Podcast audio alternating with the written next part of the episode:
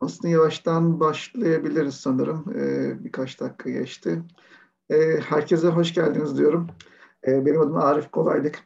Otizmli dergisinde e, Emine Timuçin ve Harun Mısırlı ile beraber Otizm dergisini yönetiyoruz. Ee, yaklaşık bir iki aydır da online aile eğitimlerine başladık. Ee, zaten bizim dergi olarak misyonumuz aileleri bilgilendirici içerikler sunmak idi. Ee, bu dergi tarafındansa e, artık yavaş yavaş trend online canlı eğitimler olduğu için biz de sağ olsun. Evet sağ olsun biz de e, bu tarafta da bir şeyler yapmak istedik. E, bu akşamki konumuz eğitimci ve kurum seçerken nelere dikkat etmek e, gerekir? E, çok kritik bir konu. E, genelde yeri evet. almış aileler e, belki en, en fazla zorlandıkları bir konu e, ilk teşhis sorusu birçok kişiden farklı e, öneriler geliyor ve aileler oradan oraya savruluyor. Birçok rehabilitasyon merkezleri eğitimcilerle görüşüyorlar ama e, genelde süreç aileler için deneyerek, yaşayarak e, ve o, o şekilde devam ediyor ve çoğu zaman da bazen olumsuz olaylar da oluyor. O bakımdan e, bu konu e, çok önemli. E, Hulusi Hoca teşekkür sağ olsun bu tecrübelerini bizimle Her zaman desteğe hazırız yani sizin için. Hiç sorun değil. Ee, sizi öncelikle tanıyalım Hulusi Hocam. Sonrasında konuya başlayabilirsiniz.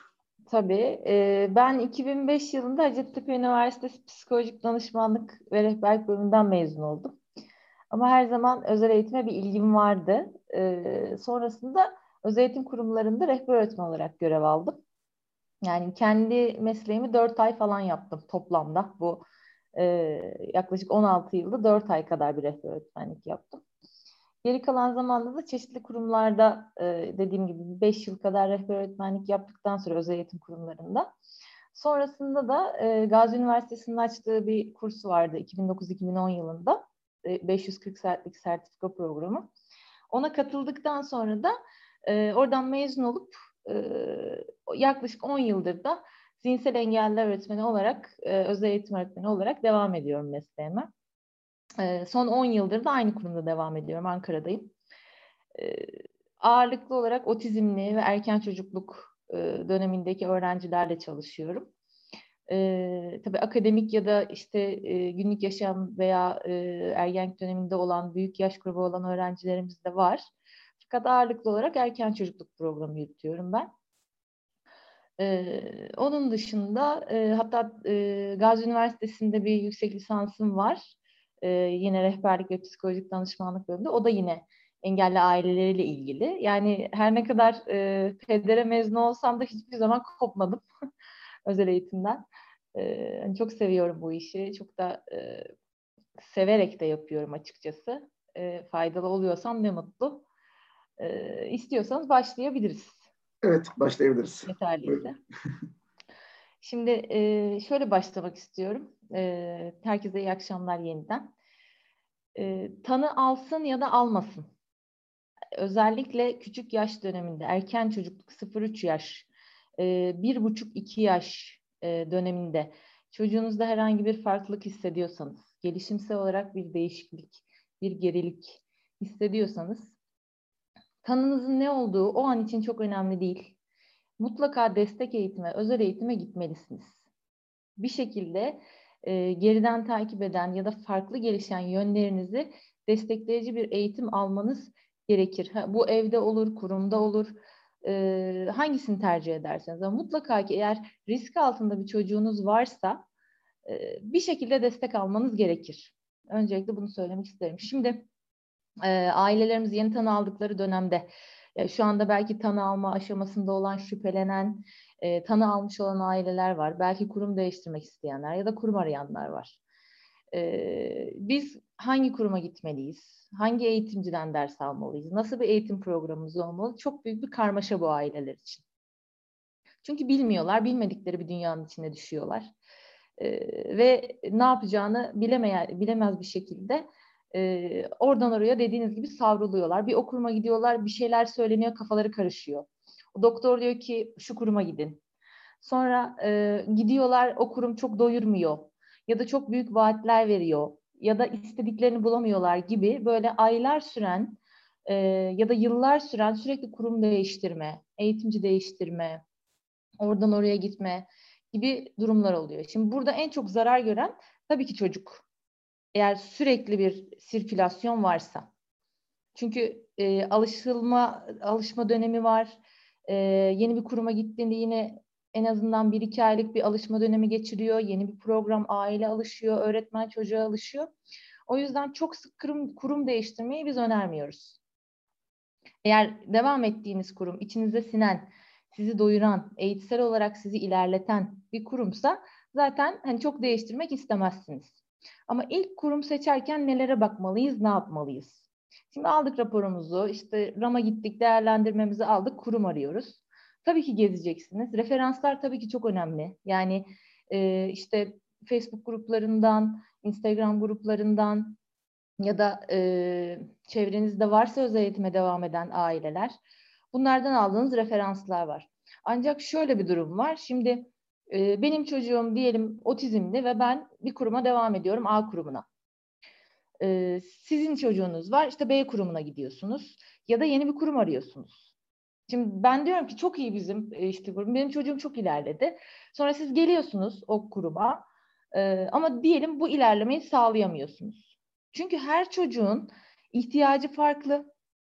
İhtiyacı yönelik olan, uygulanacak olan programı farklı. Yani bir çocuk bir kurumda çok ilerledi evet ama bu bütün çocukların o kurumda çok ilerleyeceği anlamına gelmiyor. Çünkü müdahale programının nasıl olduğu çok önemli. Bu çok çok önemli. Yani buna çok dikkat etmek lazım. Şimdi kurumlarda aileler görüşmelere geliyor ya da gidiyorlar. Gittiğinizde bir kere çok sıcak karşılanıyor musunuz? Bu çok önemli. Çünkü kabul görmeniz lazım. Yani sizi sayı olarak değil, çocuk olarak ya da aile olarak gören bir kuruma gitmelisiniz zaten. Yani bizim 566. öğrencimiz geldi dememeli kurum. Yeni bir ailemiz geldi, e, bilgi almaya geldi. Yani siz bir kere çok sıcak karşılanmalısınız. Kurumun fiziksel koşulları çok önemli. E, yani çocukların zaman geçirebileceği yerler var mı? Şu an evet pandemi dönemindeyiz. Belki çok bir arada olamayacak çocuklar. İşte grup eğitimleri yok. E, ama en azından biraz böyle girdiğinizde sizi ferahlatan bir ortam mı? Sizle ilgileniliyor mu? Yoksa oturup yarım saat, bir saat görüşmemi bekliyorsunuz. Şimdi bunlar e, gerçekten çok önemli şeyler. Çünkü o an stres altındasınız. İlgilenilmediğini düşünüyorsanız sizinle bu sizi daha çok daha da geriyor. Daha da sıkıntı yaşıyorsunuz. E, size e, görüşme sırasında yeterli bilgi veriliyor mu? Sorduğunuz sorular sizi doyurucu şekilde cevaplandırılıyor mu? Ya da size tanınızla ilgili, çocuğunuzla ilgili çok iyi yönetler veriliyor mu? Böyle nokta atışı yapılıyor mu? Ahmet'te bakın şu şu şu özellikler var. Bunlar bundan kaynaklı olabilir gibi sizin görmediğiniz, fark etmediğiniz yönleriyle çocuğunuz size tanıtılıyor mu? Bir değerlendirme oturumu yapılıyor mu? Siz aile görüşmesi yaparken eğer program uygunsa çocuğunuz da bir öğretmen tarafından kabaca değerlendirilip sonra size değerlendirmenin sonucu e, yine kabaca çünkü 40 dakikada bunu anlamak mümkün değil. E, kabaca bu veriliyor mu? Bu da çok önemli. Onun dışında e, görüştüğünüz kişi e, alanda yetkin mi? E, yani illa hani özel eğitimci mi değil, alanda yetkin mi? Yani size bilgi verirken e, özel eğitim geçmişi bu kişinin ne kadar? E, işte herhangi bir şekilde çocukla beraber olacağı bir mesleğin içinde mi? Bu çok önemli. Yani e, maalesef ki ülkemizde e, alandan olmayan yani e, çocukla iletişim ya da eğitimle hiçbir şekilde ilgili olmayan meslek gruplarından e, işte şoförlerden vesaireden e, ortaklaşa birleşerek kurulmuş kurumlar var. Şimdi bu kişilerin eğitimsel geçmişi olmadığı için sizi eğitimsel anlamda anlamaları da çok zor. O yüzden buna da e, çok dikkat etmelisiniz. Diğer bir nokta çok büyük vaatler veriyor mu kurum size? Siz bize başlayın 6 ay sonra biz çocuğunuzu konuştururuz. konuştururuz. Bir yıl sonra raporunu kaldırırız. Biz bu çocuğu 6 ayda yürütürüz. Gibi. Yani size e, böyle çok olağanüstü vaatler veriyor mu? Bakın bu riskli bir durumdur. Çünkü hiçbirimiz e, bir çocuğun 6 ay sonra nerede olacağını bilemeyiz. Öğrenme hızını bilemeyiz. Verilen eğitimin ne kadarından yararlanıyor ve ne kadarı kalıcı oluyor bilemeyiz. Bunu ne bir doktor bilebilir ne bir eğitimci bilebilir. Bunu yordamak çok güç.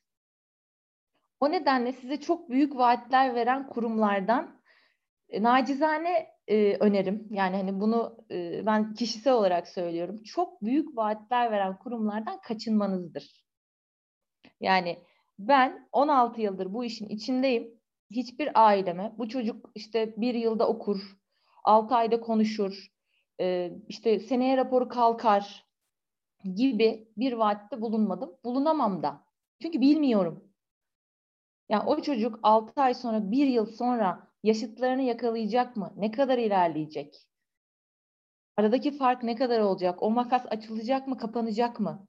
Onu bilemiyorum. Bu yüzden çok büyük vaatler veren e, kurumlardan da yani en azından bir soru işareti oluşsun kafanızda bence.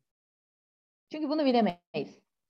Ee, görüşme bilgilendirmeleri sırasında dediğim gibi işte çocuğunuzla ilgili siz bilgi verdiğinizde, bir örnek verdiğinizde işte evde bunu yapıyor e, ya da işte parkta bunu yapıyor, yemek yerken şunu yapıyor gibi e, bir şey söylediğinizde bunun olası nedenlerini size görüştüğünüz kişi ya da öğretmen e, özellikle bilimsel olarak ya da bugüne kadar kanıtlanmış olan yollarla size aktarabiliyor mu yoksa kulaktan dolma bilgiler mi veriyor size? Bu da çok önemli. Yani işte Ahmet Bey'in oğlu vardı, onda da bu vardı. Ee, ama biz işte şunu yaptık da geçti. Ama sizin çocuğunuz Ahmet Bey'in oğlu değil. Aynı yol onun için geçerli mi? Aynı yöntem onda etkili olacak mı bilmiyoruz. Sonrasında e, kurumda hangi destek eğitim programları var? Özellikle otizmde çok ihtiyaç duyduğumuz alanlardan bir tanesi duyu bütünleme. Çünkü birçok otizmli çocuğumuzda biz duyu bütünleme problemine rastlıyoruz. Mesela kurumda bir duyu bütünleme terapisti var mı? E, bu alanda uzman biri var mı? Bu program yürütülüyor mu? Çünkü duyu terapisini bir kurumdan, e, bireysel eğitimi bir kurumdan, konuşmayı bir kurumdan almak sizin hayatınızı çok bölecek. O yüzden mümkünse hepsini bir yerden alabileceğiniz bir kuruma gitmelisiniz. Çocuğunuz bir o tarafta bir o tarafta ayrı programlarla, ayrı eğitmenlerle e, birbiriyle iletişimi az olan eğitmenlerle eğitim görmemeli. Çünkü ayrı kurumlarda olan eğitmenlerin iletişimleri çok az oluyor. Biz bunu da yaşadık geçmişte. Yani siz duyu bütünlemeyi başka bir yerden alıyorsunuz. Bireysel eğitimi başka bir yerden alıyorsunuz ama sizin duyu bütünleme terapistiniz de e, bireysel eğitim öğretmeniniz çok sık görüşemediği için o aralardaki aşamalar, değişimler, gelişimler doğru şekilde aktarılamıyor. Zamanında aktarılamıyor. Bu da eğitimde bazı aksamalara, gecikmelere neden oluyor. Ya da birinin uyguladığı öbürüne ket vurabiliyor. Ve bir biz soru, bunun farkında olmuyoruz. Bir soru sorabilir miyim? Ee, bu tabii konuyla tabii buyurun. hocam. E, duygu bütünleme otizm tanısı almış çocuklar için e, raporda ve işte RAM'ın hazırladığı eğitsel raporda duyu bütünleme kapsıyor mu? Ee, Hayır maalesef kapsamıyor. Hmm. Kapsamıyor. Yani Ekstra e, hani milli eğitimin ödeme kalemleri arasında ergoterapi ya da duyu bütünleme diye bir alan yok. Evet. Hani öyle bir modül olmadığı için modül olmadığı için ödemesi de yok. Normalde e, RAM size hani hastane size bir tanı veriyor. RAM da sizin tanınıza uygun olan modüller arasından amaçlar seçerek size bir yıllık bir ya da iki yıllık rapor veriyor. Ve diyor ki kurumunuz bu amaçlara çalışsın. Evet. Fakat ergoterapi ya da duyu bütünleme diye bir modül olmadığı için onun amacı da yok. Amacı olmadığı için siz onu devlete ben bunu e, ders kapsamı içinde o aylık 8 saatlik ders kapsamı içinde e, çalıştım diye e, faturalandıramıyorsunuz. Çünkü devlet bunu ödemiyor. Maalesef ki duyu bütünleme e, ülkemizde e, ailenin ekstra ücretle alabileceği bir eğitim. Ha, bazı kurumlar bunu e, ben ücretsiz veriyorum diyor, şunu yapıyor, bunu yapıyor ama inanın çok pahalı bir e, eğitim. Yani e, materyal anlamında da, zaman anlamında da, duyu bütünleme terapistlerinin katıldığı kursların ücretleri anlamında da, yani inanılmaz masraflı bir eğitim. E, ve kurumlar bundan e, para almak durumunda kalıyorlar mecburen. Çünkü zaten devletin ödediği ücretle işte servis ücretsiz, onun işte size verdikleri farklı hizmetler ücretsiz, eğitim ücretsiz. Şimdi duyu bütünleme de ücretsiz olursa kurumun ayakta durması çok zor olabilir. Bu nedenle maalesef ki duyu bütünleme devlet ödemediği için ücretli alınan bir hizmet. Yani aslında önemli bir e, alan aslında olması lazım ama evet, e, evet. maalesef şu an. Ya bir ara bir hani konuşulmuştu e, olacak alınabilir vesaire falan gibi böyle bir çok kısa bir dönem bir böyle duyum gibi söyleyeyim ben size. Ama sonrasında olmadı yani. Belki ileride olur, inşallah da olur. Ya inşallah ders saatleri de artar. Bu çok önemli. Ee, onun dışında şöyle bir şey söyleyeyim konusu açılmışken. Şimdi normalde devlet e, 8 saat bireysel eğitim. E, şimdi grup eğitimleri olmadığı için ondan bahsetmiyorum. Raporunuza diyor ki devlet bu e, kuruma ödenen ücret 8 saatlik bireysel eğitimin karşılığıdır. Ama bazı kurumlar diyor ki benim ders ücretim işte diyelim 200 lira. Sizin raporunuz 5 saati karşılıyor. Bana 3 saati ödemek zorundasınız diyor. Şimdi normalde aslında 8 saat eğitim vermekle yükümlü. Böyle bir durum var. Ha, nedir? Bu e, yasal olarak bir şey değil. Hani kanunen bir suç değil vesaire değil ama hani mümkün mertebe eğer 8 saat alabileceğiniz bir kurumsa ona tercih etmelisiniz. Eğer eğitim kalitesi de yüksekse. Çünkü özel eğitim maalesef ki çok masraflı bir şey bizim ülkemizde. Yani e, Avrupa'da, Amerika'da, yurt dışında e, öğrenciler 20 saat, 30 saat eğitimi ücretsiz alırken siz sadece 8 saat alabiliyorsunuz ayda Türkiye'de. Yani gönül ister ki çocuklar 20 saat alsın ücretsiz. Her gün gelsin 4 saat 5 saat dersini alsın. Ee, daha da ilerlesin, daha fazla girdi alsın, daha fazla uyaran alsın. Ama maalesef ki şu anda elimizde olan sadece 8 tane 40 dakikamız var. O da saat de değil yani 8 tane 40 dakikamız var. Maalesef. Yani orada dediğiniz gibi biraz e, öğretmen kalitesi çok önemli. Ee, tabii, ve tabii, genelde tabii. Onu, onu e, ondan da bahsedeceğim birazdan. Evet, evet. Yani e, bir rehabilitasyon merkeziyle görüşme yapılırken e, genelde işte oranın eğitim koordinatörüyle genelde görüşülüyor, o değerlendirme yapıyor. Hı hı. Fakat sonradan dersleri başlama aşamasında e, farklı eğitimcilere verilebiliyor.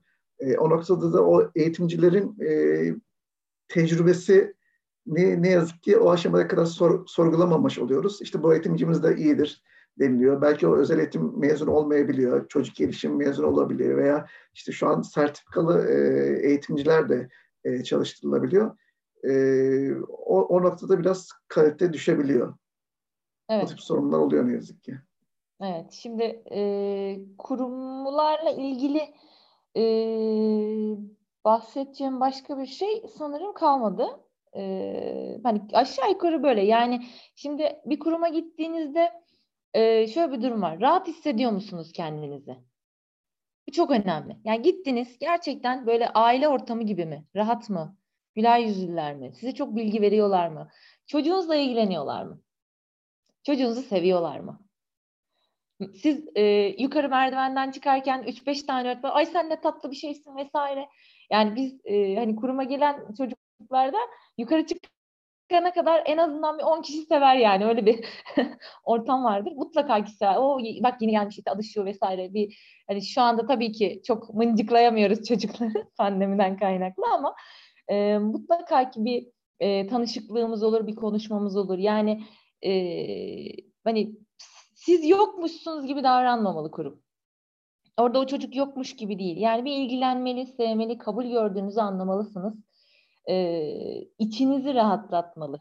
Bu çok önemli. Yani e, şunu demelisiniz. Evet, ben kendimi burada rahat hissediyorum. Evet, bu insanlar bu işi biliyorlar. Evet, sorduğum her sorunun cevabını verdiler. Gittiğimiz diğer nokta nokta nokta gibi değiller.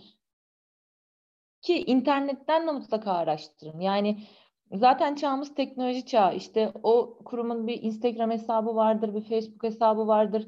İnternette o kurumun adını yazdığınızda bir kendi internet sitesi vardır, kendi çalışmaları vardır. Hakkında bir şikayet var mı, hakkında bir yorum var mı? Bunlara da bakabilirsiniz. Ama sizin için en doyurucu, en sağlıklı bilgi oraya gidip aklınızdaki bütün soruları sormak. Daha önce size söylenen bilgilerle bunları bir karşılaştırmak. Hangisi sizin gönlünüzde bir rahatlık e, veriyorsa, hangisi sizin zihninizde evet tamam burası dedirtiyorsa sizin için doğru kurum o kurumdur. Yani en net böyle anlatabilirim bence. Şimdi e, eğitimci seçerken ya da eğitim programı ile ilgili e, hani nelere dikkat etmek gerekir diye bir şey. Şimdi eğitimci seçerken elbette ki e, alan mezunu olmak çok çok önemli. Şimdi ben alan mezunu değilim. E, hani işini hakkıyla yapmaya çalışan öğretmenlerden bir tanesiyim. Alan mezunu değilim. Hani çok eleştiri de alıyorum, çok teşekkür de alıyorum. Hani iki uçtan da e, hani beni eleştiren ya da işte teşekkür eden insanlar var. E, ama şu bir gerçek. Evet alan mezunu olmak çok önemli bir şey. Çok değerli, çok kıymetli bir şey. Fakat e, illaki özel eğitimci olsun. E, benim çok e, böyle yüzde yüz katıldığım bir şey değil. Bakın desteklediğim bir şey. Ama yüzde yüz katıldığım bir şey değil. Hani belki beni izleyen özel eğitimciler var, e, belki izleyecek olanlar var, belki çok eleştirecek olanlar var. Ama şu bir gerçek ki e, eğitimciniz çocuğunuzla çok iyi iletişim kurmalı. Yıldızları barışmalı. Çocuğunuz onu gördüğünde sevmeli, dersine girmek istemeli. İlk derslerde bu tabii ki mümkün değil. İlk derslerde tanımadığı birisinin yanına gidiyor. Tanımadığı bir yere giriyor. Şimdi pandemiden dolayı aileleri alamıyoruz. Ee, hani ayırmak zorunda kalabiliyoruz. Böyle bir stres yaşıyor çocuklar. Eğer kurum ilk ilk defa geldiği bir yerse. Ee, hani bu ilk belki bir ayki süreçten bahsetmiyorum. Yani çocuğunuz eğitimcinize alıştıktan sonra e, seviyor mu? E, eğitimcinizi gördüğünde gülüyor mu? Ona gitmek istiyor mu? E, çok eğleniyor mu? Eğitimciniz çocuğunuza karşı sıcak davranıyor mu? Güler yüzlü davranıyor mu? Bunlar çok çok önemli şeyler. Yani e, işini severek yapan biri olmalı. Bu çok önemli. Yürekten yapan, severek yapan biri olmalı. Çocukları seven biri olmalı. Özellikle yeni tanı almış ailelerden bahsettiğimiz için söylüyorum. Yani küçük yaş grubuyla çalışmayı seven, çalışmayı bilen biri olmalı. Ee, yine aynı şekilde sorularınıza e, çok iyi cevap verebilmeli. Ders yaptıktan sonra o 10 dakikalık dönüş süresini dolu dolu kullanmalı ve size e, doyurucu bilgiler vermeli. Derste olan şeyleri anlatmalı, ödevlendirme yapmalı e, ya da evde yaşadığınız bir problemden bahsediyorsanız o an onunla ilgili e, size çözüm sunabilmeli veya hani ben bunu bir araştırayım ya da bir diğer öğretmenimize de sorayım e, size ondan sonra dönüt vereyim ya da ben haftaya derste ben bunu izleyeyim ben de gözlemleyecek miyim bakalım? Hani ben bugüne kadar görmedim bir de ben derste gözlemleyeyim neden oluyor olabilir? size e, çok dürüstçe çok açık açık verebilmeli e, eğitim programına hakim olmalı. Tabii ki e, özel eğitim derya deniz. Özel eğitim her gün gelişiyor. Her gün yeni teknikler, yeni eğitimler, yeni yöntemler çıkıyor. E, ben 16 yıldır öğreniyorum size öyle söyleyeyim. Sürekli işte bir kursa gidiyorum, bir eğitime gidiyorum, başka yerden bir şey okuyorum, makale okuyorum. E, bir şekilde diyorum ki hani öğrenmediğim eksik bir şey kalmasın. Ama mümkün değil zaten sürekli gelişiyor tamamen evet yüzde yüz bilemeyebiliriz ama size faydalı olabilecek kadar, çocuğunuzu ilerletebilecek kadar bilgi sahibi olmalıyız bir eğitimci olarak. Sizi yönlendirebilmeliyiz. Size iyi aile eğitimi verebilmeliyiz. Evinizde yaşadığınız bir probleme çözüm önerileri sunarak sizin hayatınızı yaşamsal anlamda da eğitimsel anlamda da rahatlatıp yükseltebilmeliyiz o kaliteyi. Yani soru sorduğunuzda öğretmeniniz e, e, hmm, çok fazla yapıyorsa ya da e, önerdiği hiçbir şey işe yaramıyorsa veya derste olanları size aktarırken eksiklik hissediyorsanız, dersin verimsiz geçtiğini hissediyorsanız sorgulayabilirsiniz bunu. Ama şu da var, hiçbir eğitimciyi e, amacım hiçbir eğitimciyi yaftalamak, hiçbir eğitimciyi işte sen kötüsün yapmak ya da tukaka yapmak değil kesinlikle. Çünkü herkes emek veriyor. Bütün eğitimciler buna emek veriyor. Bütün işte kurumlar emek veriyor. Bütün aileler emek veriyor. E, fakat bu işin aile açısından bakılan bir boyutu var. Bir de eğitimci ve kurum açısından bakılan boyut var. Yani çift taraflı ayna gibi düşünmek lazım bunu biraz. Şimdi eğitimci farklı bir gözle bakıyor, aile farklı bir gözle bakıyor, orta yol bulunamıyor ee, ve hiçbir şekilde e, bu problem çözülemiyor. O zaman ya iletişimsel bir sıkıntı var, ya eğitim programı ile ilgili bir sıkıntı var, ya bilgilerin aktarılmasıyla ilgili e, eksiklik ya da yanlışlık var. Ya bunları da yaşayabiliyoruz biz zamanla. Yani eğitimcinizin donanımlı olması lazım. Ee, çok e, verimli ders yapıyor olabilmesi lazım. Dediğim gibi çocuğunuzun onu çok sevmesi lazım. Onun da çocuğunuzu sevmesi lazım. Çünkü gerçekten bu işin en e, ayrılmaz parçası sevgi. Sevmiyorsanız zaten bu işi yapamazsınız. Hiçbir işte olduğu gibi. O yüzden gerçekten e, çocuğunuzun böyle gülerek çıktığı, ha nedir? Bizim benim öğrencilerimin tamamı gülerek mi çıkıyor bazen? Hayır. Ağlayarak çıkanlar da oluyor, mutsuz çıkanlar da oluyor. Yani yüzde yüz evet gülerek çıkıyoruz diyemem. Ama mutlaka ki 10 dersin işte 7'sinde 8'inde belki gülerek çıkıyoruz. Ya da mutlu çıkıyoruz. Eğer ağlayarak çıkıyorsak da orada davranışsal bir şey oluyor. Onu halledelim derken bir belki gerginlik yaşıyoruz. Onunla alakalı da belki gergin çıkıyoruz. Yani e, şuna da dikkat edin. Mesela çocuğunuz ders bitti diye ağlıyor mu? Bu da çok önemli. Ders bitti diye ağlayan e, ve kurumdan gitmek istemeyen öğrencilerimiz oluyor zaman zaman. O kadar eğleniyor ki e, bitti diyorsunuz çıkmıyor sınıftan. Ya da merdivenden inerken ağlıyor. Böyle öğrencilerimiz de oluyor bizim arada. Yani bunlar çok önemli ipuçları aslında. Yani küçük gibi görünüyor, önemsiz gibi görünüyor. Ama çok dikkatli gözlem yaptığınızda diyorsunuz ki evet tamam bu. Yani biz başladık, e, e, çocuğum çok mutlu gidiyor, çok eğleniyor ve yaklaşık olarak böyle ilk bir ayda, bir buçuk ayda gözle görülür değişmelerin olması gerekiyor. Yani siz fark edersiniz. Evet belki konuşmada olmaz, belki başka şeyde olmaz ama davranışsal olarak çocuğunuz belki bir sakinleşir, belki oturma süresi artar, dikkati artar, bakışları, göz kontağı artar gibi. Böyle ilk bir buçuk ayda bizim e, beklentimiz bu. E, doğru, iyi ve sistemli bir eğitimde ilk bir buçuk ayda, iki aydan geç şeyi bekleriz artık çocuktan bir gözle görülür bir sakinlik, bir dikkatte artma, problem davranışlarda, ağlamada ya da herhangi farklı bir şeyde azalma gibi e, bir değişim, olumlu yönde bir değişim bekleriz.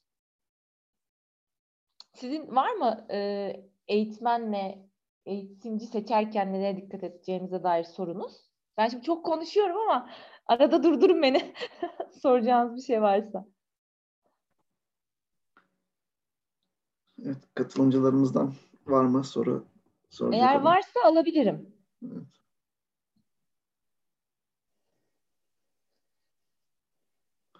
Sanırım yok. Evet, devam edin. Belki tamam. sonunda olur sorular. Tamamdır. Ee, şimdi şöyle de bir durum var. Bizim 8 dakikamız kalmış sanırım bitmesine. Evet. Ee, o zaman şöyle devam edelim. Şimdi eğitim e, programına geçeyim mi yoksa hani burada biraz daha bu konuyla ilgili konuşayım öbür arada mı eğitim programına geçelim? Yani e, aslında burada belki ailelerin kafasına takılan e, ya bu yetkinlik meselesi yani bazen yani özel eğitimci mi olmalı, çocuk gelişimci mi olmalı e, yani böyle farklı şeyler var. E, kafada soru işaretleri var. Yani bir rehabilitasyon merkezine gittiğimiz zaman yani bazen yeni mezun olabilir bir eğitimciyle karşılaşabiliyoruz, e, tecrübeliyle karşılaşabiliyoruz. O noktada e, herkes tabii tecrübeli olana verilemiyor. Sonuçta bir yoğunluk olduğu için talep kim uygunsa tabii. ona veriliyor. Yani o noktada aileler ne yapmalı? E, yani illaki tecrübesiz diye o kurumu terk mi etmeliler? Ne yapabilirler bu noktada? Şimdi şöyle e, biz e, hani kendi kurumumuzdan bahsedeyim. Biz genelde yeni başlayan çocuklarda eğer çok özel, çok ekstrem, çok farklı bir durum yok ise genelde iki öğretmenle ders yapmaya başlamasını tercih ederiz. Hem kişi genellemesi açısından e, hem ortam genellemesi açısından hem de çocuğun çok bir rutin geliştirmemesi açısından, aynılık geliştirmemesi açısından iki farklı eğitimciyle olmasını tercih ederiz. E, hani buradaki amacımız da tamamen e, daha kolay, daha çabuk alışmasını sağlamaktır aslında.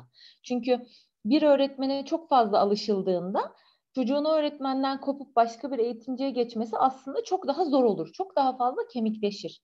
Otizmde rutinler ve ritüeller de çok fazla olduğu için, aynılık da çok fazla olduğu için bu geçişi daha yumuşak yapmamızı sağlar. İki tane eğitimciyle başlamak aslında. Ayrıca iki tane eğitimciyle başlamak farklı çalışma yöntemlerine, farklı metotlara, farklı ses tonuna, mimiğine, farklı materyallere, farklı sınıflara gibi çocuğun daha fazla genelleme ve çeşitlendirme yapabileceği ortamlar, imkanlar sağlar.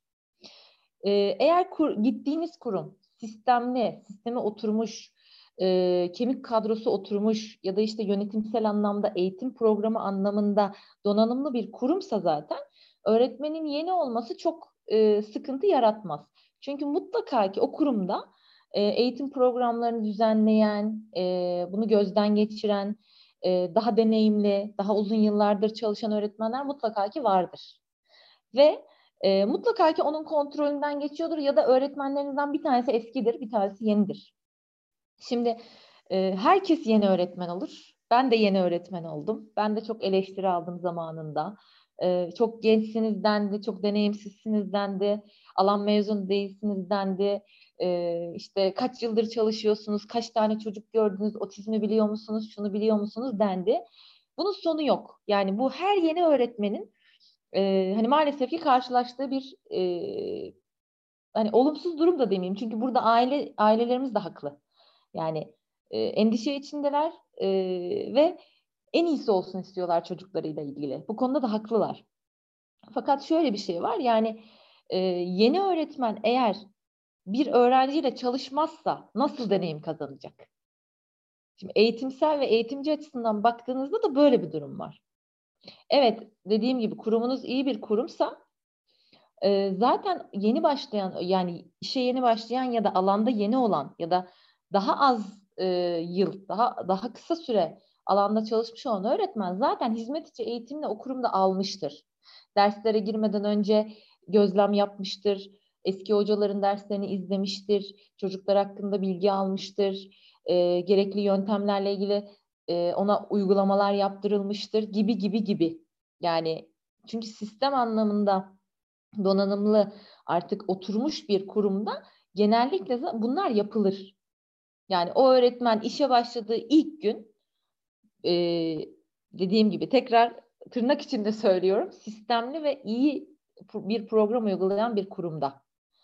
E, ilk gün çok aşırı çok böyle e, çok olumsuz bir durum olmadığı sürece zaten başladığı ilk gün derse girmiyordur.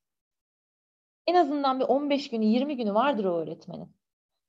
Alışmıştır, bir şeyler kazanmıştır, okumuştur, ders izlemiştir gibi gibi gibi birçok deneyimi vardır o alanda. Yani e, ve eğer e, siz derse başladığınızda dediğim gibi bir ay geçti, bir buçuk ay geçti, çocuğunuz ilerliyor. O halde yeni öğretmen olması o öğretmenin hiçbir şey öğretemediği anlamına gelmez. Elbette ki öğretecek, elbette ki bir şey katacak çocuğunuza ve e, deneyim kazandıkça zaten eğit- eğitmenler olarak biz deneyim kazandıkça hem kendimize katıyoruz, hem size katıyoruz, hem çocuğa katıyoruz. Ama şunu da unutmayın. Her eğitimci eskiden, ya bir zamanlar yeniydi. Her eğitimci yeniydi. Her eğitimcinin acemilik dönemi vardı. Her eğitimcinin e, belki ya ne yapacağım diye düşündüğü zamanlar vardı. Ama onun arkasında da mutlaka daha deneyimli, ona destek olan, e, programı yürüten, bir şekilde e, desenleyen, düzenleyen başka bir eğitmen ya da daha deneyimli biri vardı. Bunu mutlaka düşünün. Unutmayın bunu. Bu çok önemli. Şimdi o zaman eğitim programının nasıl olacağı, nasıl uygulanacağı konusuna biraz değinelim. Evet. Ee, şimdi şöyle, eğitim programı nasıl olmalı? Bir kere kesinlikle bireysel olmalı. Çocuğa özgü olmalı. Çocuğun ihtiyaçlarına yönelik olmalı. Her çocuğa aynı şey uygulanmamalı aynı program çalışılıyorsa bile ha, çocuğun nasıl öğrendiği, hangi yolla öğrendiğine bakılıp ona göre desenlenmeli. Yani A çocuğuna bir e, ne öğreteceğiz? Diyelim renk öğreteceğiz ya da düğme ilikleme öğreteceğiz ya da farklı bir şey öğreteceğiz. Kalem tutma öğreteceğiz gibi düşünün. Şimdi A çocuğunda uygulanan yöntem B çocuğuna uygun olacak mı olmayacak mı bilmiyoruz. Ya da belki de çok farklı bir yolla öğreteceğiz ona. Aynı aynı kavramı ya da aynı bilgiyi çok farklı yollarla, çok farklı şekillerde vereceğiz. Eğitim programınız kesinlikle çocuğunuzun ve sizin ihtiyaçlarına uygun olmalı. Program e, amaç seçilirken, program e, uy, e, hazırlanırken sizden de fikir alınmalı. Çünkü e, o çocukla yaşayan insanlar sizlersiniz. 7-24 berabersiniz. Yaşadığınız zorluklara çözüm olabilecek bir program olmalı. İçinde işte iletişimde olmalı, belki öz bakımda olmalı, dil konusunda işte e, oyunla öğretilen şeyler olmalı. Küçük yaş grup için söylüyorum. Ya da e, yaşadığınız bir davranış problemini nasıl çözeceğinize ilişkin bazı uyarlamalar olmalı içinde gibi. E, motor beceriler olmalı, farklı bilişsel ve kavramsal beceriler olmalı. İçi bir kere çok dolu olmalı. Çocuğunuza uygun olmalı. Çocuğunuz için özel olarak hazırlanmış olmalı. O amaçların hepsi çocuğunuzun öğrenmesi gereken şeylerden oluşmalı bildiği şeyler, çok eskiden öğrendiği şeyler ya da şu an için öğrenmesine daha zaman olan, e, öncesinde başka şeyleri öğrenmesi gereken, sonrasında bu beceriyi öğrenmesi gereken bir şey olmamalı. Yani e, çocuğunuzu üçüncü basamakta düşünelim. Amaçlar hep dördüncü basamakta olmalı. İkide de olmamalı, altıda da beşte de olmamalı. Hep bir kademe üstte olmalı. Hedefiniz bir kademe yukarıda olmalı. Yani e, çocuğunuz konuşmuyorsa programınızda üç kelimeyle cümle kurar gibi bir amaç olmamalı. Ses çıkarma, hayvan ses taklit, taşıt ses taklit, farklı vejetatif sesler çıkartmak gibi farklı basit, daha basit dil becerileri olmalı. Veya e, çocuğunuz kalem tutamıyorsa daha, hala kalemi nasıl tutacağını bilmiyorsa, yani çocuğunuz 5 yaşında ve hala böyle tutuyorsa, bunun formunu düzeltmek olmalı amaç önce o çocuğa harf yazdırmak olmamalı. Çünkü bu şekilde zaten öğrendiği için ileride daha üst aşamalarda çok zorluk çekecek eğer bunu düzeltmezseniz. Daha e, işlevsel bir programınız olmalı. Program nasıl uygulanmalı? E, gerekli pekiştireçler belirlenmeli, size aile eğitimi şeklinde bu sunulmalı. Evde kesinlikle bu eğitim devam etmeli. Çünkü biraz önce de söylediğimiz gibi maalesef ki iki tane 40 dakika hakkınız var. Kurumda sadece iki tane 40 dakika hakkınız var. Yani Türkiye şartlarına baktığınız zaman iyi çalışan kurumlar gerçekten mucize yaratıyorlar. Gerçekten yani çok iyi çalışan, işini hakkıyla yapan kurumlar, bir çocuğu konuşturan, bir çocuğu yürüten, e, mesela fizik de alan çocuklar için söylüyorum fizyoterapi alan çocuklar için. Yani bir saat bireysel, bir saat fizyoterapi alıyor ve bu çocuk yürüyor. Düşünün yani bir tane 40 dakikayla fizyoterapistler, fizyoterapistler bir çocuğu yürütmeyi başarabiliyor.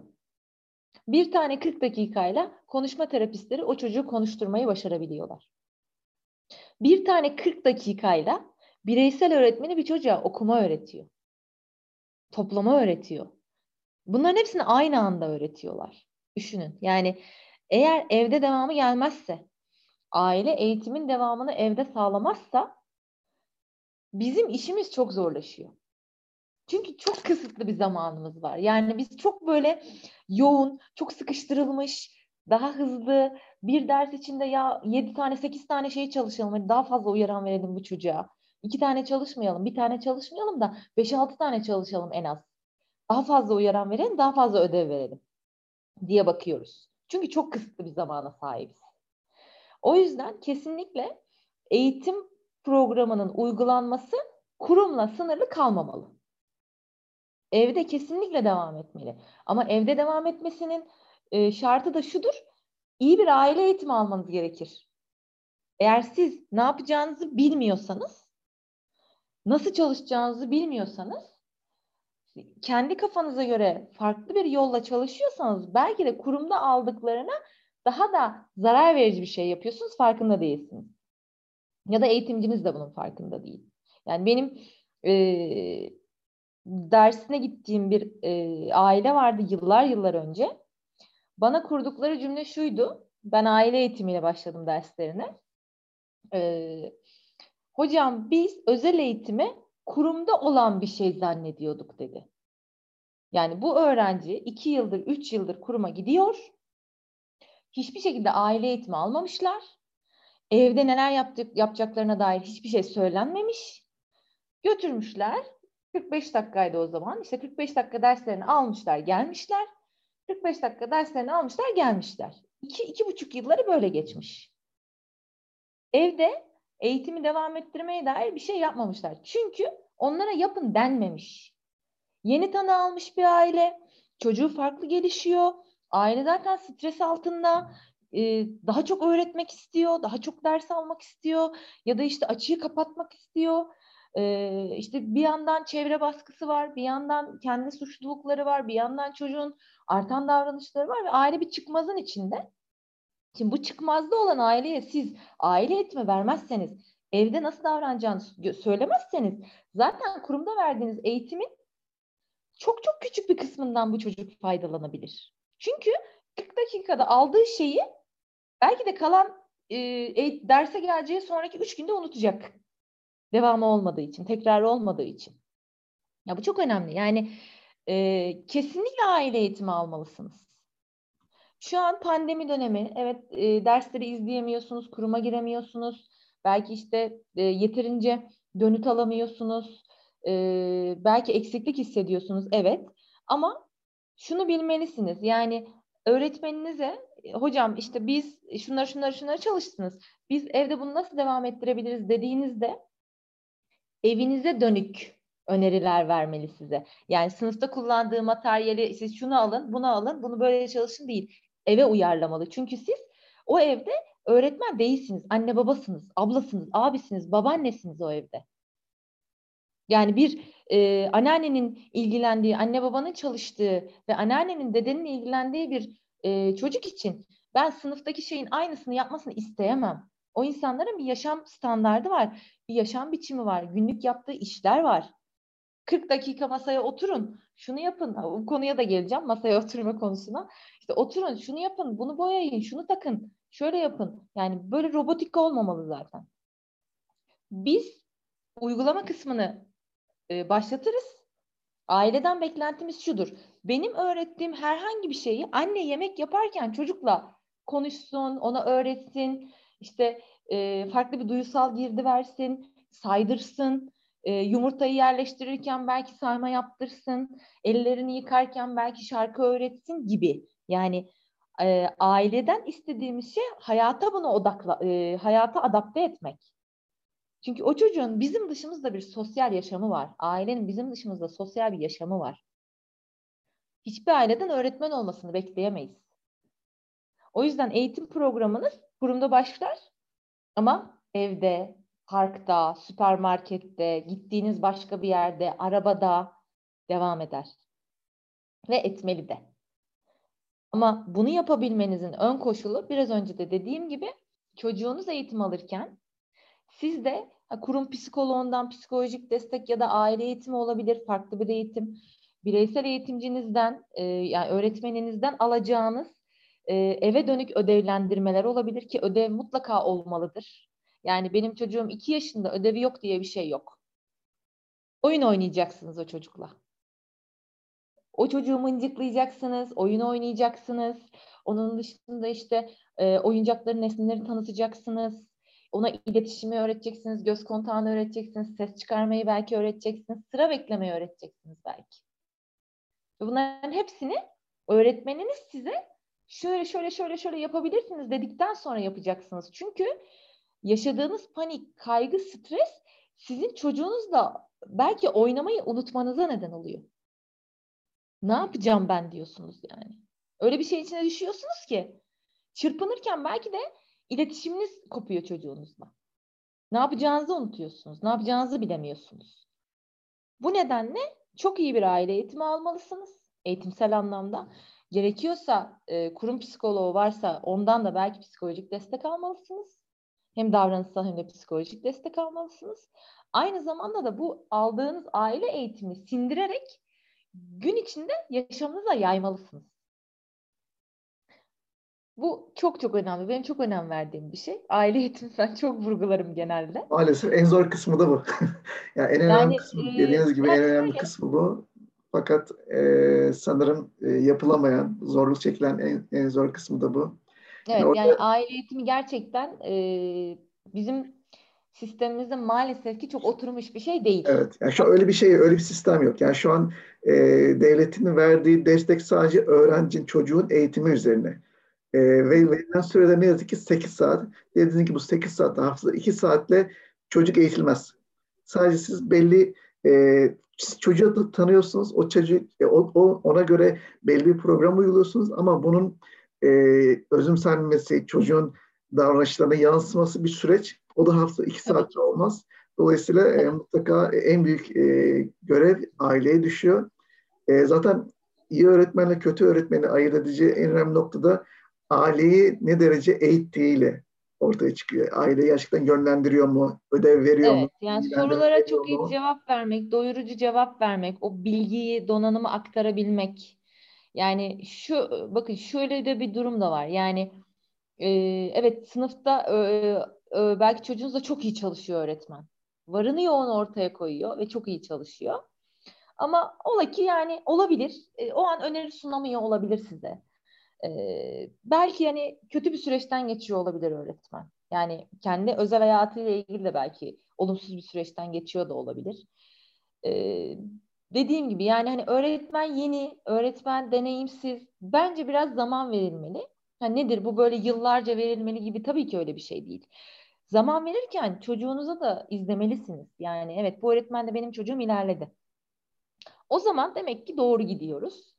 O zaman demek ki ilerliyoruz. Şimdi bunu da göz ardı etmemek lazım ama aile eğitimi e, maalesef ki özel eğitimin kanayan yarası. Maalesef ki dediğiniz gibi. E, nedir? İşte e, e, hani psikolojik desteği ücretsiz veren birçok kurum var. E, çocuğunuz seanstayken belki siz de psikologla görüşebiliyorsunuz ya da ayrı zamanlarda görüşebiliyorsunuz. E, aslında pandemi öncesinde hani e, genel uygulama şöyleydi. Yani en azından ben kendi kurumum için söyleyeyim. E, işte aile e, pasif olarak izlerdi bir iki ders. Hiç sessizce eğer çocuğun ayrılık kaygısı varsa sınıf içinden yoksa kapı açık bir şekilde sınıf dışından. Ondan sonra işte anneye biz ya da babaya kim geliyorsa notlar aldırırdık, yazdırırdık işte şunu yapabilirsiniz, bunu yapabilirsiniz falan gibi. Ondan sonra aile eğitimine şöyle başlarız. Mesela e, e, annemize ödev veririz. Şu konuları, şu konuları, şu konuları bir çalışın diye. Sonrasında küçük, özellikle küçük çocuklar için söyleyeyim. E, annemizi alırız sınıfa, çocukla çalıştırırız. Hadi bir oynayın. Evde nasıl oynuyorsanız oynayın. Yani orada aileler kaygı yaşıyor. Hocam ne yapacağım? Ne diyeceğim ben şimdi? Evde ne yapıyorsanız aynısını yapın diye biz aileyi izleriz. Anneyi ya da babayı neyse. Sonrasında not alırız. İşte olumlu yanları, olumsuz yanları, eksik olan yanları yazarız. Deriz ki anneye bakın bu, bu, bu, bu alanlar çok iyi devam edin. Şu alanlarda biraz eksikleriniz var gibi görünüyor. Hani bunu böyle böyle tamamlayabiliriz. Ee, ama şu alanların da değişmesi gerekiyor. Hani bunlar biraz eğitim e, eğitiminize engel oluyor. Davranışınızı arttırıyor. Bakın ağlama sanki şu nedenle artmış gibi çocuğunuz e, sizle iletişime geçti ama fark etmediniz. Hani bunu da buna da dikkat edin gibi. Aileye böyle bir haftalık, iki haftalık ödevler verirdik. Tabii pandemiden önceden bahsediyorum.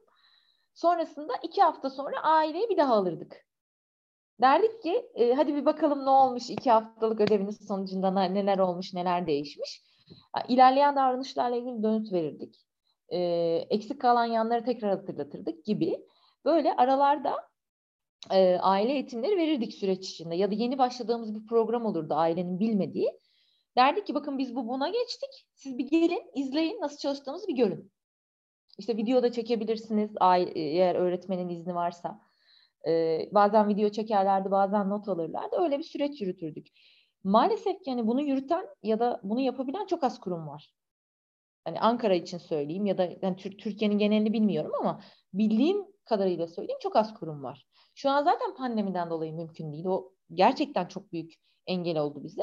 Ama elimizden geldiğince ödevlendirmeler yapmaya, ders sonunda dönütler vermeye dikkat ediyoruz ki mümkün ders dışında da sonrasında da belki telefonla, mesajla, derste çektiğimiz videolarla e, videolarla ailelere göndererek e, bunu böyle çalıştık bakın yeni konuya geçtik falan gibi biraz destek olmaya çalışıyoruz elimizden geldiğince. Çok önemli yani iletişim gerçekten çok önemli. Ee, evet. Sadece yani eğitimci de sadece o bir saat veya iki saat içinde ben e, işte dersimi bitirdim, eğitimi verdim, e, bilgileri aktardım. Bundan sonra bir, bir sonraki hafta görüşürüz modunda olmaması lazım. E, bu ara ara o bir hafta boyunca mutlaka bence iletişim içinde olmaları lazım. Dediğiniz gibi işte mesajlaşma olabilir, video karşılıklı paylaşım olabilir. E, çünkü bu bir süreç ve aileyi e, maalesef uzun sürede eğitimi tabi tutamıyoruz. E, o da yavaş yavaş öğreniyor. E, eğitimciden gelen geri bildirimlere göre öğreniyor. O da bir süreç. E, ailenin eğitilmesi de ayrı bir e, süreç. Çünkü işin psikolojik boyutu var. Ona hazır olması lazım. O ort, ev ortamını onu yapabilmesi lazım. E, evet, o yüzden olmuyor. İşte olmuyor, Yani biz ne kadar öneri sunsak da e, mesela geniş ailede yaşıyorlar ya da işte kalabalık bir ailedeler veya evde 2-3 çocuk daha var. Veya evde bir aile büyüğü var. Bakım verilen başka birisi var. E, veya birden fazla özel gereksinimli çocuk var. Ya, ya da çocuğun mesela... davranışları çok yerleşmiş, e, geç kalınmış olabilir. Çok yerleşmiş, fark edilmemiş ya da işte aile eğitimi çok geç başlamış. Belki kabul süreci uzun sürmüş gibi evet. durumlar olduğu için e, evet yüzde yüz gerçekleştirebiliyor muyuz? Hayır. Ama nedir? Biz evet yüzde yüz gerçekleştiremiyor olabiliriz ama hani on tane e, şey yapıyorsak sekizi bari olsun, yedisi bari olsun diye sürekli bir yükselme çabası içindeyiz açıkçası. Biz yapalım, elimizden geleni yapalım. Yapmadık demeyelim. En azından vicdanen rahat olalım. Evet. nedir? Mesela video çekimleri vesaire ya da sonrasındaki bilgilendirmeler inanılmaz mutlu ediyor aileleri. Çünkü zaten derse giremiyorlar, zaten izleyemiyorlar. Videoyla destek olmak, eğer dediğim gibi öğretmenin izni varsa çünkü orada bir hani özel yaşam e, yani özel alana müdahale de söz konusu. Yani belki öğretmeniniz de hayır ben kendimi çekmek istemiyorum diyecek. Şimdi ona da saygı göstermek lazım. Çünkü sizin kime izleteceğinizi bilmiyor. siz tabii ki kötü niyetli kullanmayacaksınız bunu ama işte herkesin bakış açısı ya da işte ona vereceği izin de önemli. Yani o, o öyle bir durum da var maalesef ki.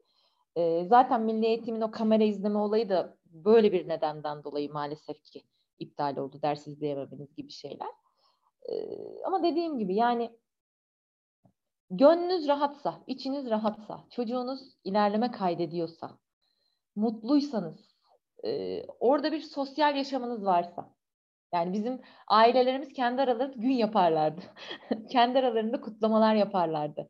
Ders aralarında bizi çağırırlardı. Hocam şunları getirdik bugün gelin diye. Ya da e, personelle araları çok iyiydi. Yani hala iyi ama dediğim gibi pandemiden kaynaklı bir sosyal mesafe var aramızda. Yani kabul görüyorsanız, mutluysanız, huzurluysanız, çocuğunuz ilerliyorsa, güveniyorsanız, gönlünüz rahat bir şekilde e, çocuğunuzu, ya ben bugün gelemeyeceğim ama hostesiniz gelsin, ben çocuğumu derse göndereceğim diyecek kadar o kuruma güveniyorsanız, doğru bir yerdesiniz demektir. İçinizin rahat olması lazım. En önemli şey bu. Yani e, ne kafanızda ne yüreğinizde bir şüphe olmamalı. Çünkü şüphe olursa aksak giden bir şey var demektir. Çocuklarınız bize emanet. Bizim o emanete çok iyi sahip çıkacağımıza eminseniz ya da gittiğiniz kurumda neyse o zaman orası doğru bir yerdir. Ama bahsettiğim kriterler olacak. İşte çocuğunuz ilerleyecek. Aile eğitimi alacaksınız. Doyurucu bilgiler verilecek. Güveneceksiniz. Personeli iyi olacak gibi çok fazla ve çok farklı kriterler var. 10 kriter var. Bir kurumda 5 tanesi, bir kurumda 7 tanesi var. Eğer 7 tane olan kurumun içinde kaliteli eğitim, donanım da varsa tabii ki onu tercih etmelisiniz. Ama işte bu kurumun parkı var, bu kurumun havuzu var, bu kurumda at var, ee, işte atla terapi var, havuz terapi var. Tamam bunlar var, bunlar hoş, çok güzel. Ama eğitim kalitesi nasıl? Bir de ona bakmalısınız. Yani maalesef ki göz boyayan çok kurum var. Bizde at var diyor. Hipoterapi yapıyoruz diyor. Ücretsiz diyor. İşte bizde havuz var diyor. Yüzme eğitim veriyoruz diyor. Ama o çocuk iki kere belki, yılda iki kere belki, üç kere giriyor havuza. Yani bazı şeyler göstermelik oluyor. Ne yazık ki. Ona da çok dikkat etmelisiniz. Sanırım aktaracaklarım bu kadar. Yani e, ekleyeceğiniz ya da eklememi istediğiniz bir şey var mıdır? Ben gelen birkaç soru vardı. Onlara istiyorsanız cevaplayayım. Aslında orada e, şöyle bir durum da var. Yani otizm aslında e, çok geniş çaplı e, sonuçta yaygın gelişimsel davranış bozukluğu olduğu için e, farklı farklı e, alanları var. İşte konuşma terapisi, duyu bütünleme, e, ne bileyim işte spor e, yani evet. ve, ve çocuklarımızın hayatına böyle farklı farklı eğitimciler giriyor. E, işte o noktada e, ne yapmak lazım? Aileler e, 3-5 tane eğitimci arasındaki iletişimi, koordinasyonu nasıl sağlaması lazım? So, kim kim bu koordinasyonu sağlayacak, yönlendirmeyi sağlayacak? Çünkü genelde öyle oluyor. E, bir işte gölge evet. öğretmeni oluyor, evde çalışan e, başka öğretmenler olabiliyor veya işte duyu bütünleme terapisti oluyor. E, hepsi o çocuğun gelişimine mutlaka bir katkı sağlıyor. Evet. E, fakat böyle genel baktığınız zaman e, bir planlı gitmek lazım. E, çocuğun, çocuğun dediğiniz gibi özel gereksinimlerine göre planlanmış bir e, eğitim olması lazım. Adım adım gidilmesi evet. lazım ama bazen bizler dağılıyoruz. E, o noktada nasıl kendimizi ve çocuğumuzun eğitimini toparlamamız, toparlayabiliriz? Şimdi Arif Bey şöyle söyleyeyim. Ee, evet fazla eğitimcinin olduğu, işte gölge öğretmeninin olduğu, konuşma terapistinin, duyu terapistinin, duyu bütünleme terapistinin ya da işte bireysel eğitimcinin olduğu 3-4 tane çocuğun belki eğitim aldığı böyle paket program gibi e, eğitim e, dönemleri olabiliyor. Şimdi burada önemli olan şey şu. Siz e, duyu bütünleme terapistinize bir soru sorduğunuz zaman onun cevabını net bir şekilde alabiliyor musunuz? Ya da e, bireysel öğretmeninize sorduğunuz zaman ben bu konuyu e, bu konuda hakim değilim. Bunu duyu terapistinize sormanız lazım diyor mu mesela? Ya da bakın bunu e, Ayşe Hoca'ya sormalısınız. Hani konuşma kısmında o benden daha yetkin.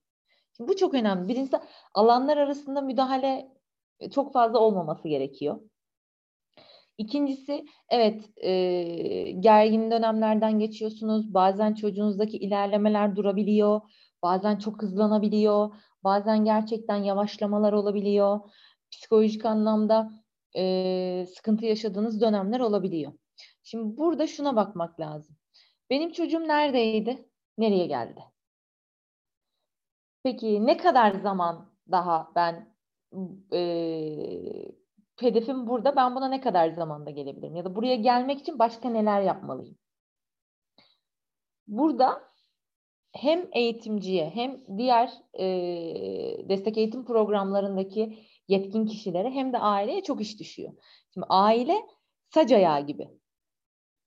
Bakın sac ayağı gibi. Yani aile o ayaklardan bir tanesi. Eğer o olmazsa biz onun psikolojik e, olarak e, sağlığını koruyamazsak, eğitimsel olarak destekleyemezsek, doyuramazsak ya da e, o güveni sağlayamazsak zaten eğitimin bir ayağı kırık oluyor. Ve yine verim alamıyoruz. O yüzden psikolojik olarak destek alabilirsiniz. E, eğitimcinizle paylaşabilirsiniz. Şunu şunu şunu yaşadık çok e, gerginim hocam. İşte şöyle oldu. Ben bu dönemde şöyle bir süreçten geçiyorum e, eğitimcinizin de bunu bilmesi gerekir ki sizin psikolojik durumunuza uygun şekilde e, hem sizinle iletişime geçsin hem de gerekiyorsa sizi farklı bir yere yönlendirsin. Eğer bunu bilmezsek yani diyelim siz e, trafiktesiniz, benim velimsiniz, derse geliyorsunuz. Allah korusun bir kaza atlattınız ya da trafikte biriyle tartıştınız, derse geldiniz, çok gerginsiniz. E, ya da farklı bir durumunuz var. Hastasınız, uykusuzsunuz. Çocuğunuz o gece uyumadı, çok gerginsiniz. Eğitimci sizin hayatınıza dair belli bir yere kadar bir şeyleri bilmeli. Bilmeli ki içinde bulunduğunuz psikolojiyi de anlayarak hmm, tamam bugün Arif Bey çok gergin. Ee, evet Arif Bey çok gergin. Ben onunla konuşurken biraz daha imtina etmeliyim. Biraz daha dikkatli olmalıyım. Yanlış anlamaya neden olacak bir şey söylememeliyim. Hani nedir? Biz hiçbir zaman hani nabza göre şerbet veren insanlar değiliz. Ee, evet, olumlu derste olumlu şeyleri de söylüyoruz, olumsuz şeyleri de söylüyoruz. Ama her e, söylediğimiz her şeyde bir söyleme şekli var.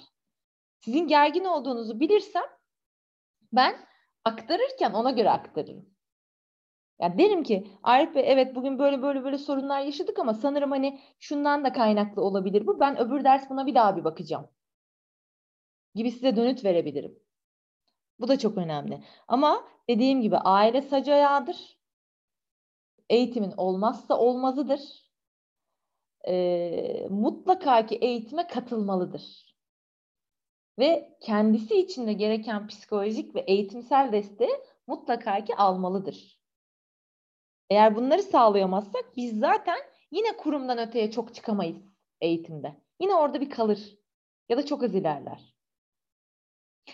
Ama dediğim gibi biraz önce de söylediğim gibi eğer tek bir kurumdan alıyorsanız bütün hizmetleri zaten ister istemez bütün öğretmenleriniz birbiriyle seans sonrasında görüşür. Bu derste Ahmet'le şunu yaptık, şu oldu hocam. Ee, ya da işte ben şunu uyguladım hocam, dediğiniz gibi şunu yaptım çok işe yaradı diye mutlaka ki konuşuruz derslerden sonra ya da toplantılarda ya da aileyle yaptığımız toplantılarda. O yüzden diyorum tek bir yerden almanız, tek bir kurumdan bütün hizmetleri alabileceğiniz bir kurum varsa ve hepsi de sizi doyuruyorsa, içinize siniyorsa tek bir yerden almanız en mantıklısı. Çünkü siz başka kurumdan alıyorsunuz. Diyeceksiniz ki ya hocam bizim konuşma terapistimiz şöyle dedi. Ee, işte şöyle şöyle yapabilirler mi dedi. E, biz arayamıyoruz o an terapistiniz ya da terapistiniz müsait olmuyor veya biz müsait olmuyoruz, görüşemiyoruz. Ben belki o hafta o derste onu uygulayamıyorum, belki zaman kaybediyorum. Böyle de sıkıntılar yaşayabiliyoruz. O yüzden mümkün mertebe tek bir yerden alarak iletişimi kuvvetli hale getirmeliyiz. Çok önemli.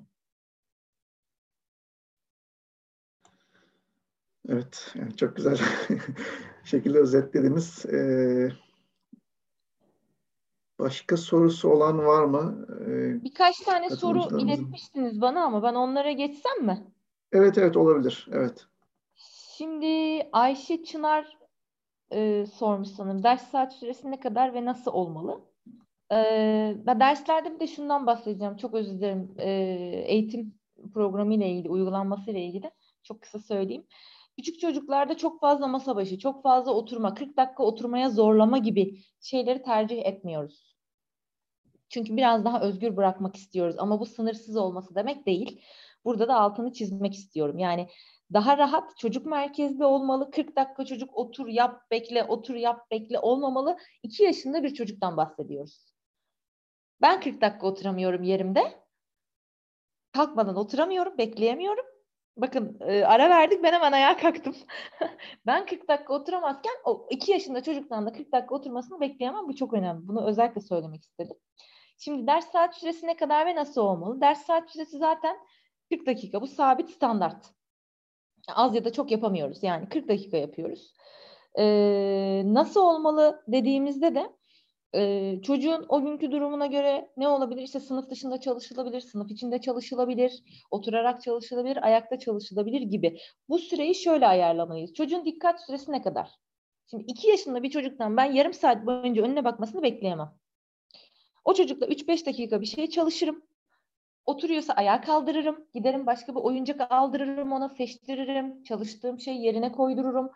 Farklı bir hoplama zıplama çalışırım. Bir gıdıklama çalışırım. Bir yaparım.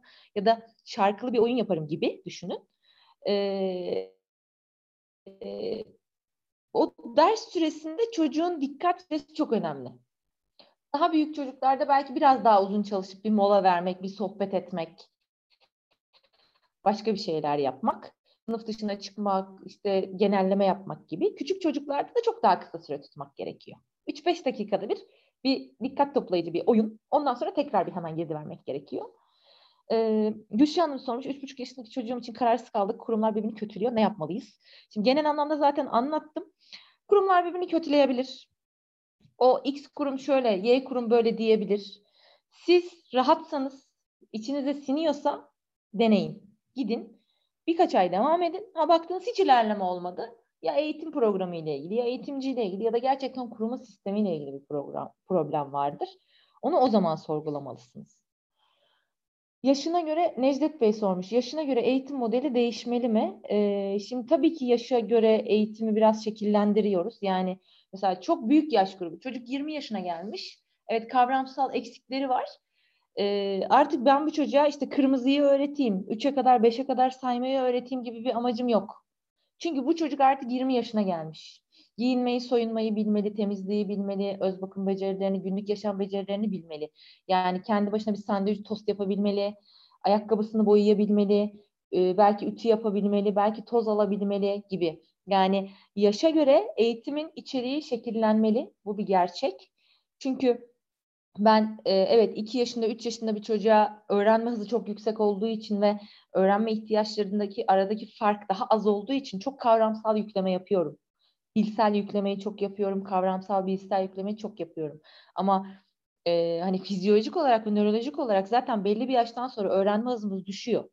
Öğrenme hızımız düştüğü için artık eğer çocuğumuz işte 16-17 yaşına gelmiş ise hala ayakkabısını giyemiyorsa benim için en acil ihtiyaç o çocuğun ayakkabı giymeyi öğrenmesidir. Çünkü siz 3 yaşında bir çocuğa dışarıda ayakkabısını giydirdiğinizde dikkat çekmezken 17 yaşında bir gence ayakkabısını siz giydiriyorsanız bu çok olumsuz yönde dikkat çeker. Sizin için de bu olumsuz dikkattir. O yüzden e, yaşamınızı kolaylaştırıcı eğitim programı sizin için en işlevsel olandır. Giyinmeyi mi öğrenecek, soyunmayı mı öğrenecek, bulaşık yıkamayı mı öğrenecek? Ya da e, yaş düzeyi itibariyle birinci sınıftır ya da birinci sınıfa geçecektir, kritiktir, ikinci sınıfa geçmiştir. En acil ihtiyacı okuma mıdır? Eğer ön koşul becerileri hazırsa evet okumadır en acil ihtiyacı. Ya da nedir? İşte çocuk 6 yaşındadır, 7 yaşındadır ama okuma öncesi becerilerin hiçbiri yoktur. Okuma çalışırsınız, diretirsiniz. Öncesi olmadığı için, temel olmadığı için gene ilerleyemezsiniz. O çocuğun en acil ihtiyacı okuma öncesindeki becerileri öğrenmektir ki okumaya geçebilsin. Yani hem yaşınız hem e, performansınız hem de sizin yaşamsal ihtiyaçlarınız programı belirleyen, desenleyen şey olmalı. Bu çok önemli. Ergenlikte hangi kurum demiş Harun Bey? Ee, şimdi ergenlikte e, genelde biz eğer e, tabii pandemide de çok sıkıntı çekiyoruz bu anlamda. Ergenlik döneminde biraz daha spor, biraz daha e, yaşam becerilerinin olduğu, daha günlük yaşam becerilerinin olduğu, programların olduğu, ek destek belki kurumlar olabilir, spor okulları olabilir e, farklı bir spor alanına yönlendir, yönlendirilebilir. Yüzme olabilir, ne bileyim işte at binme olabilir veya farklı işte masa tenisi gibi. Biraz daha böyle çocuğunuzun motor olarak enerjisini atacağı, biraz daha sosyalleşeceği destek eğitim yerleri olabilir. Okul olarak zaten e, devam ettiğiniz bir okul zaten oluyor. E, ama hani kurum olarak soruyorsanız eğer devam ettiğiniz kurumda e, işte spor vesaire gibi şeyleri sağlayamıyorsanız belediyelerin e, yaşam merkezleri gibi ya da farklı spor okulları gibi yerlere de belki destek olarak gidebilirsiniz. Çünkü ergenlik döneminde bu hem yaşamsal beceriler hem de e, spor faaliyetleri bizim çok önerdiğimiz bir şey. Taner Bey de eğitimcilerin tecrübesiyle ilgili sormuş. Bir yere kadar ilerliyor sonra kınanıyor demiş ama tıkanıyor olduğunu düşünüyorum. Yani ilerleme olduktan sonra tıkanma gibi düşünüyorum. Şimdi şöyle bir şey var eğitimcilerin tecrübesizliğinden öte belki de ihtiyaç duyduğunuz alanda bilgi yetersizliğine sahip olabilir. Ya da e, uyguladığı yöntemlerin hiçbiri e, yeterli ilerlemeye e, neden olmamış olabilir. E, aile olarak e, eğitime sunduğunuz destek belki az olabilir ya da gerçekten çocuğunuzun o alanda bir öğrenme problemi olabilir. Bunların hangisinin olduğuna çok iyi bakmak lazım. O yüzden çok net cevap veremeyeceğim. Yani bu nedenlerden bir tanesi muhtemelen vardır. O yüzden bir yerde tıkanmışsınızdır veya çok üst düzey bir şey çalışılıyordur. Çocuk yaş olarak da bilişsel olarak da ona hazır değildir. Çalışmaya diretiyoruz ama ilerleyemiyoruz. Çünkü hazır değil. Belki de temel çalışılmadı. Öyle de bir durum var.